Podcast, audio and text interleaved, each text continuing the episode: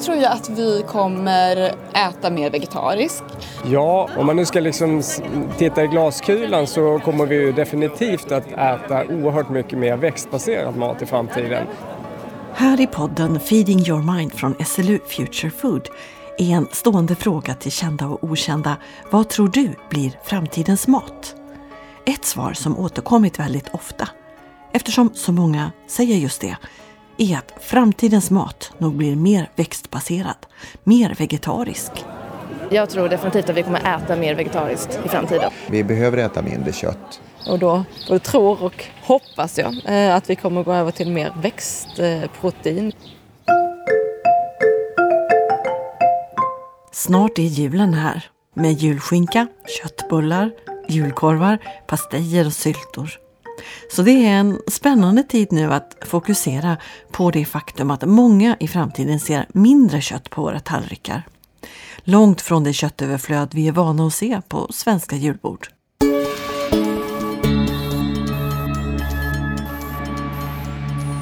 Jag heter Anders Karlsson och jobbar som professor i köttvetenskap på SLU och är placerad i Skara. Och du är Sveriges enda professor i köttvetenskap? Ja, så är det faktiskt. Ja. ja. Eh, alltså, om vi inte från tidernas begynnelse hade haft kreatur så hade vi inte kunnat bott i den här delen av världen under vinterhalvåret. Alltså det, det växer ju ingenting under vinterhalvåret. Men tack vare att vi hade djur som vi kunde slakta och vi kunde göra produkter av och äta upp så fick vi alltså protein och näring som vi behövde så vi kunde överleva vintern för att sen då kunna odla foder till, till djuren på, när den tiden kom och kunna odla grönsaker och andra saker som vi behövde. Så vi på något sätt så måste vi efter alla generationer som vi har bott här och ätit produkter från, från djurriket ha anpassat vårt genom, eller våra gener för att kunna leva. Så du menar att det vinnande konceptet även framåt är det vinnande receptet bakåt? Det är en bra fråga. Men alltså jag bara tänker rent historiskt så är vi anpassade till, till att äta kött. Vad har du för kött på ditt julbord? Ja, det brukar ju vara skinka och, och revbensspjäll. Alltså, alltså kött från, från gris brukar det vara mest faktiskt. Och det blir lika mycket i år som vanligt? Jag tror inte det faktiskt. Det blir nog bara mindre, ett, ett, ett par skivor tror jag, inte så mycket. Så du är lite del av den här trenden att vi rent generellt drar ner lite på köttätandet? Ja, jag tycker att jag ska föregå också med gott exempel. Och det, alltså, Livsmedelsverket säger att vi, vi ska inte äta mer än max 500 gram rött kött per person och vecka. Och det, för att, och det kanske är någon, någon alltså fram till vi vet om det är någon koppling mellan, mellan köttkonsumtion och sjukdom så kanske man skulle vara lite försiktig i alla fall. Du lyssnar på en podd från Sveriges lantbruksuniversitet. Jordbruksverkets statistik visar att den svenska konsumtionen av griskött, det köttslag vi äter klart mest av, har sjunkit med över 10 procent mellan 2008, då vi åt som allra mest, och 2017. Och konsumtionen av nötkött, det kött vi äter näst mest av, har sjunkit med nästan 10 procent under samma tidsperiod. Samtidigt ska vi komma ihåg att genomsnittskonsumenten i Sverige äter dubbelt så mycket kött som genomsnittskonsumenten i världen. Elin Rös heter jag forskar på SLU i Uppsala om matens miljö och klimatpåverkan. Det är ett komplext ämne som finns många olika perspektiv på. Men med dina perspektiv då, vad ger du kött för plats på framtidens tallrikar? En väldigt begränsad roll. Det är inte bara min, mitt perspektiv utan det är det den samlade forskningen väldigt tydligt pekar på. Eh, att vi behöver äta, alltså vi i västvärlden då som äter mycket kött, eh, behöver minska vår konsumtion väsentligt. Eh, finns fortfarande plats för lite kött framöver, men inte alls i de mängderna som vi konsumerar idag. Vad har du för kött på ditt julbord? Ja, eh, dels är jag inte så jätteförtjust i julmat faktiskt. Så det är ganska lite. Sen har jag också olika kostpreferenser i min familj. Så att, men men vi, har, vi, vi har lite köttbullar på naturbeteskött brukar vi ha. Naturbeteskött, sa Elin Rös. Det kommer från nötdjur som betar marker som inte plöjs eller gödslas. Ofta magra marker där djuren tillgodogör sig växtnäring som vi människor inte har någon matnytta av och omvandlar det till protein. Det är naturbeteskött vi sedan äter. Uh, och, men sen har vi mycket vegetar vegetariska rätter också på, på julbordet. Jag har med en fråga från Ingrid Strid från förra avsnittet Mm. av Feeding your mind som handlar om antibiotikaanvändningen som ju är ett gigantiskt bekymmer Mm. inom djuruppfödning idag. Och hur, hur ska vi kunna tackla detta framöver om vi fortsätter äta kött? Vad säger du? Alltså där finns det ju mycket att göra med management. Om man tittar på Sverige till exempel så har man ju en antibiotikaanvändning som är mycket, mycket lägre än vad man har i andra länder. Så djur, djuruppfödning behöver ju inte vara förknippat med hög antibiotikaanvändning. Utan det, det går att lösa. Eh, utan det är framförallt av klimatskäl vi behöver äta mindre kött. Då. Av klimatskäl, vilka då? Ja, köttproduktion orsakar växthusgasutsläpp, koldioxid och metan. Och en stor andel av världens jordbruksareal används nu för att odla mat åt djuren som vi sen ska äta. Ökat behov av åkermark driver avskogning som driver klimatpåverkan med mera. Naturbetesdjur lyfts ju ofta fram som en bra produktionsväg för att dels håller de landskapen öppna och använder näring som inte kommer till användning annars. Djuren har det bra och så vidare. Om man säger så här då, ja men låt oss fortsätta med naturbetesdjur och inga andra. Har vi inte löst alltihop då? Djurvälfärd och, och klimat. Ja, faktiskt. Jag har ju gjort någon sån studie där jag har räknat på just det. Hur skulle kosten se ut om man begränsade uppfödningen till naturbetesmarker och även restprodukter från eh, livsmedelsindustrin. Och då eftersom vi har ganska lite naturbetesmark i Sverige så skulle vi absolut kunna ha det som en strategi.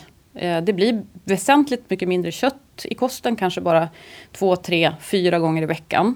Men det är ändå flera gånger i veckan eh, och vi håller våra, de här markerna öppna och så vidare. Så det är absolut en strategi som man skulle kunna eh, använda sig av. Hur väl är producenter och konsumenter med på en helt drastiskt omlagd köttkonsumtion? I forskarvärlden kan man ju prata om det, men i, ute i verkligheten? Just nu ser vi att det händer någonting. Det är många mer som blir engagerade och medvetna. Men det är fortfarande en väldigt stor massa som inte alls förstår allvaret och inte förstår att maten spelar en stor roll också. Och sen är det klart att i Sverige där vi har mycket animalieproduktion så är det inte så lätt att ställa om från en dag till en annan. Utan här är det jätteviktigt att det inte bara är bönderna som ska få ta den här smällen. Utan det här måste vi hjälpas åt med i hela livsmedelskedjan. Och det kommer intressanta sådana initiativ. Som jag inte kan säga så mycket om just nu. Men, men eh, det är jätteviktigt att det här inte bara hamnar i, i knät på bonden. Utan att det måste, måste hjälpas åt i hela kedjan med den här omställningen. Mm.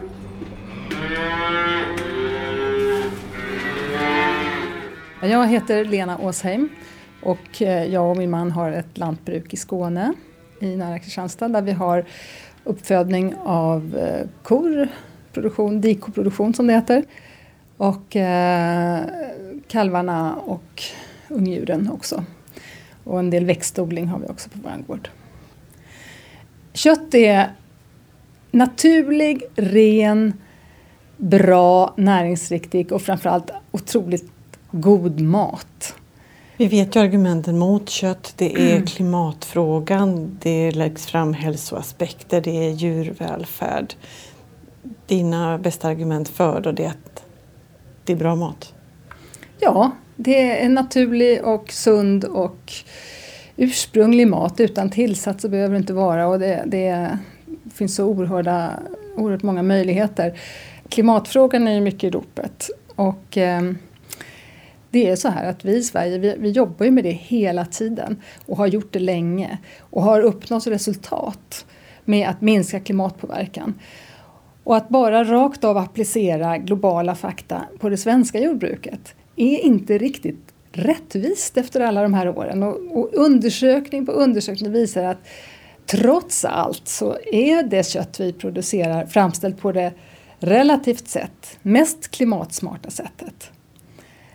Bättre, mycket bättre än EU-genomsnittet och oerhört mycket bättre än det globala. Så låt oss fortsätta med det. Låt oss, vi är inte färdiga, men låt oss fortsätta med vårt arbete för att, för att bli ännu bättre.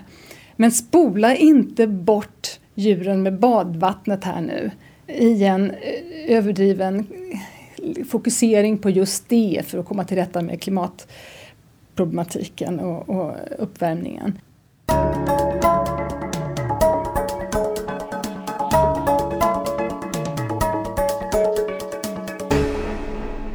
Jag heter Therese Strand, jobbar på Svenska köttföretagen. Jobbar med utveckling av olika branschfrågor för nöt, eh, gris och lamm.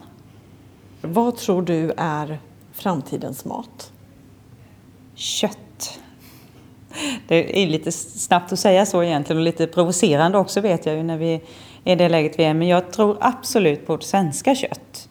Både utifrån näringsvärde men också för den viktiga rollen som kött spelar i det svenska samhället. Vad tänker du på då? Jag tänker på biologisk mångfald till exempel. Jag tänker på arbetstillfällen. Jag tänker på levande landsbygd.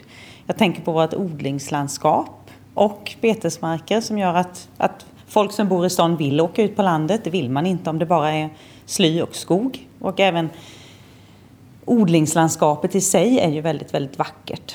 Eh, och där är ju köttet en väldigt, väldigt stor del av det.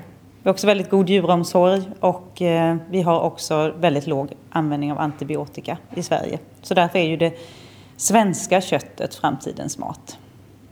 Men blir du då provocerad av alla vegetariska alternativ som lyfts fram? Man diskuterar att vi kan odla kött. Vi, kan eh, sluta äta kött helt enkelt.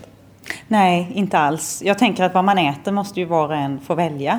Eh, det jag tycker är viktigt är att man vet varför man väljer det ena eller det andra. Och att man förstår köttproduktionen och djurens roll i samhället och det kretslopp som vi har. Vi kan ju inte odla grönsaker utan gödsel till exempel och så här.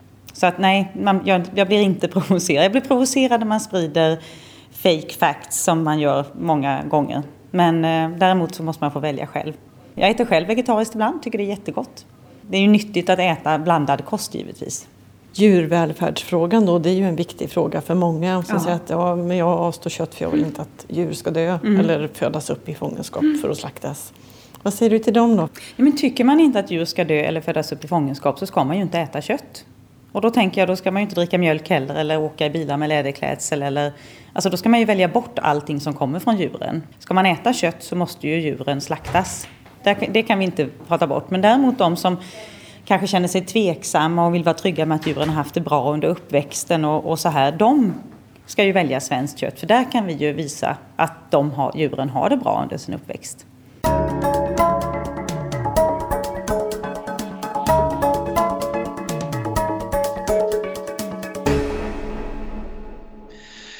Jag heter Niklas Neumann. Jag är biträdande universitetslektor på institutionen för kostvetenskap på Uppsala universitet och doktor i kostvetenskap. Vad är ditt eget personliga förhållande till kött? Jag tycker mycket om kött. Jag äter inte så mycket. Jag är inte vegetarian. Och du är just nu mitt i ett projekt som heter Matkonsumtion och miljö. En kvalitativ studie om köttreducerade matvanor. Där du intervjuar frivilliga deltagare, 18 år och äldre, som instämmer i påståendet “Jag anser att vi i Sverige av klimatskäl bör äta mindre kött”. Och deltagarna själva får ha vilka matvanor som helst men ska instämma då i det här grundpåståendet. Och då undrar jag, eh, instämmer du själv i det?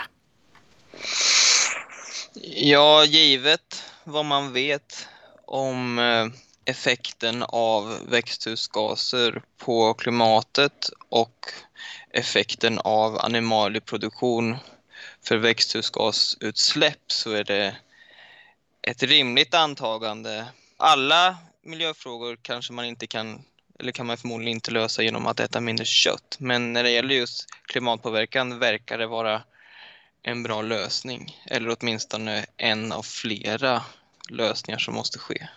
Och du säger att om samhället menar allvar med sina folkhälsoambitioner och om vi menar allvar med att vi vill vrida konsumtionssamhället mot miljövänlig hållbarhet, då måste vi ändra oss till exempel vad gäller köttätande.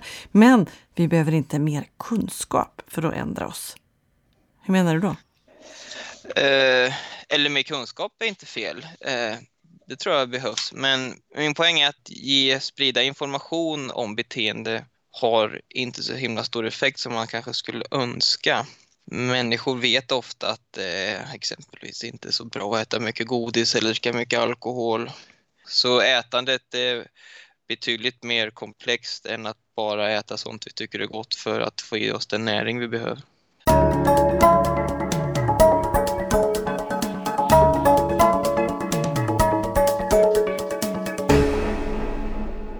Skulle kunna nämna att det finns studier på mer hälsosamt ätande där man har exempelvis placerat om saker i affärer och sådär närmare och längre från kassan och sådana saker. Och då ser man också att det har en liten effekt.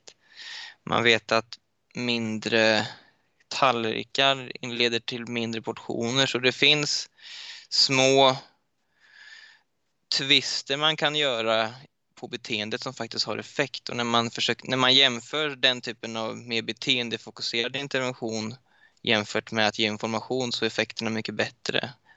Lite nudging. Exakt. Och jag tror väl också att när det handlar om kött exempelvis så handlar det väl på något vis också om att bara kulturellt försöka etablera en idé om att en måltid utan kött är faktiskt lika mycket måltid som en med kött.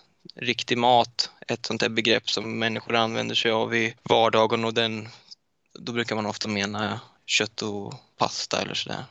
Men vegetarisk mat är ju lika mycket mat som någonting annat och det är ju inte mindre näringsrikt eller så, om den är rätt komponerad. Men varför hittar vi då de vegetariska alternativen lite i hörn, lite vid sidan om, lite som något specialvariant av det vanliga? Jag har exempelvis svårt att förstå varför vegetariska köttsubstitut ligger i en enskild avdelning på affärerna. Det kunde ju ligga mellan Alltså jag förstår inte, sojafärs kan väl ligga bland köttfärsen. Det inte, finns ju ingen kontamineringsrisk så som det finns exempelvis med kraftigt allergiska människor. Alltså på något vis gå mot en matkultur där att inte äta kött är lika normalt som att göra det. Att man liksom inte ifrågasätter att oj, äter du vegetariskt? Vad annorlunda. Utan från att vara någonting alternativt till att bli ja, det vanliga. Du pratar om att liksom ändra normen och det är ju inte det lättaste. Nej, för normer, eller om vi snarare pratar om sociala konventioner, alltså sedvänjor. Det är jobbigt att vara den här personen som sitter på alla middagar och påminner alla andra om att de gör kanske ett mindre miljövänligt val. Eh, nej, så ätandet är komplicerat och man behöver ju angripa det från ett väldigt tvärvetenskapligt perspektiv för att förstå med en mix av psykologi, sociologi, nationalekonomi och sen då naturligtvis grundläggande naturvetenskapliga evidensen för vad som har effekt för klimatet eller för hälsan eller vad det skulle vara. Du är ju som sagt mitt i det här projektet Matkonsumtion och miljö, men om du tänker att du får det, det, det du hoppas som resultat, vad, vad är så att säga syftet och målet med den här studien? Jag vill veta vad upplever man som svårigheter även när man uttryckligen har intentionen att göra på ett visst sätt och har haft det kanske under lång tid i vissa fall. För oavsett om de har varit vegetarianer i de som jag pratar med kanske i tio år så dyker det upp tillfällen i vardagen där det blir svårt. Det kan vara barn som inte vill äta det man serverar och då är det alltid lättare att kanske bara servera korv. Man har kanske släkt med helt andra värderingar och syn på vad som är riktig mat så kommer man kanske hem och äter med dem och som inte tycker att det ska vara vegetarisk mat. Det kan handla om svårighet i utbud om man är på resande fot. Alltså massa sådana saker som dyker upp i den, i, liksom, i, som en del i vardagsrutinerna.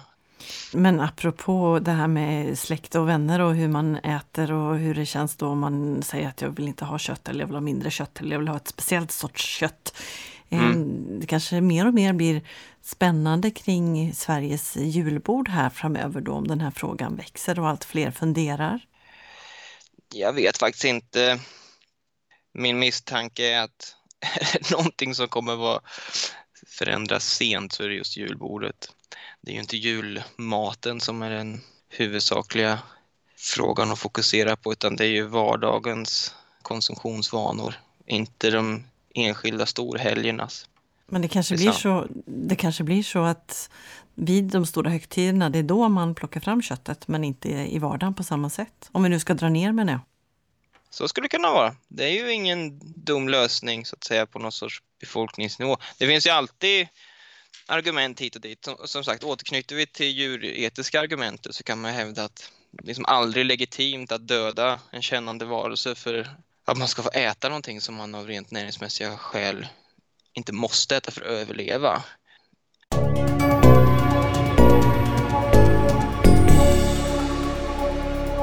Det finns alltså många goda skäl att äta kött och goda skäl att avstå kött. Och goda skäl att omsorgsfullt välja vilket kött man äter, om man nu gör det. Eh, kött innehåller många viktiga näringsämnen. Jag tänker på järn till exempel. För växande individer kan man säga och fertila kvinnor behöver ju järn. Och det är ett enkelt sätt att få i sig järn och järn är en form som lätt tas upp av kroppen också om man äter järn. Vi är tillbaka hos professorn i köttvetenskap, Anders Karlsson. Eh, dessutom så är det en vitamin som heter B12 som vi inte själva kan producera och som man också får i sig genom att äta både kött och mejeriprodukter. Man kan naturligtvis få, in, få det på andra, via andra möjligheter också. Men det är lättare att, eh, att få i sig dem genom att äta kött. Glad är han idag, Anders Karlsson, för han har alldeles nyligen fått ett forskningsanslag på sådär 7,5 miljon kronor till projektet Marmorerad, mör och miljövänlig, jakten på det perfekta nötköttet.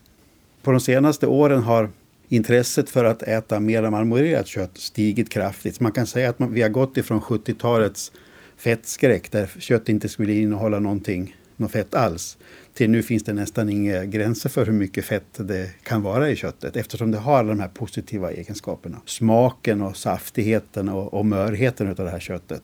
Och förutom smaken så ger också fettet det man kallar för robust, köttet får en robust, blir mer robust vid tillagningen. Det är jättesvårt att steka kött så att det inte blir överkokt eller torrt om det är lite fett i. Men är det mycket fett så, så gör det ingenting om det får några sekunder eller någon minut mera. Och nu har vi alltså fått pengar för att studera eh, fettansättning i svenska raser för det finns ingen information om det. Och marmorering av kött, hänger det ihop med hur djuren föds upp? Ja, precis. Alltså, gamla djur har ofta mycket, eller har alltid hög fettinnehåll också i musklerna. Det är väldigt dyrt att producera marmorerat kött. Det tar ganska lång tid.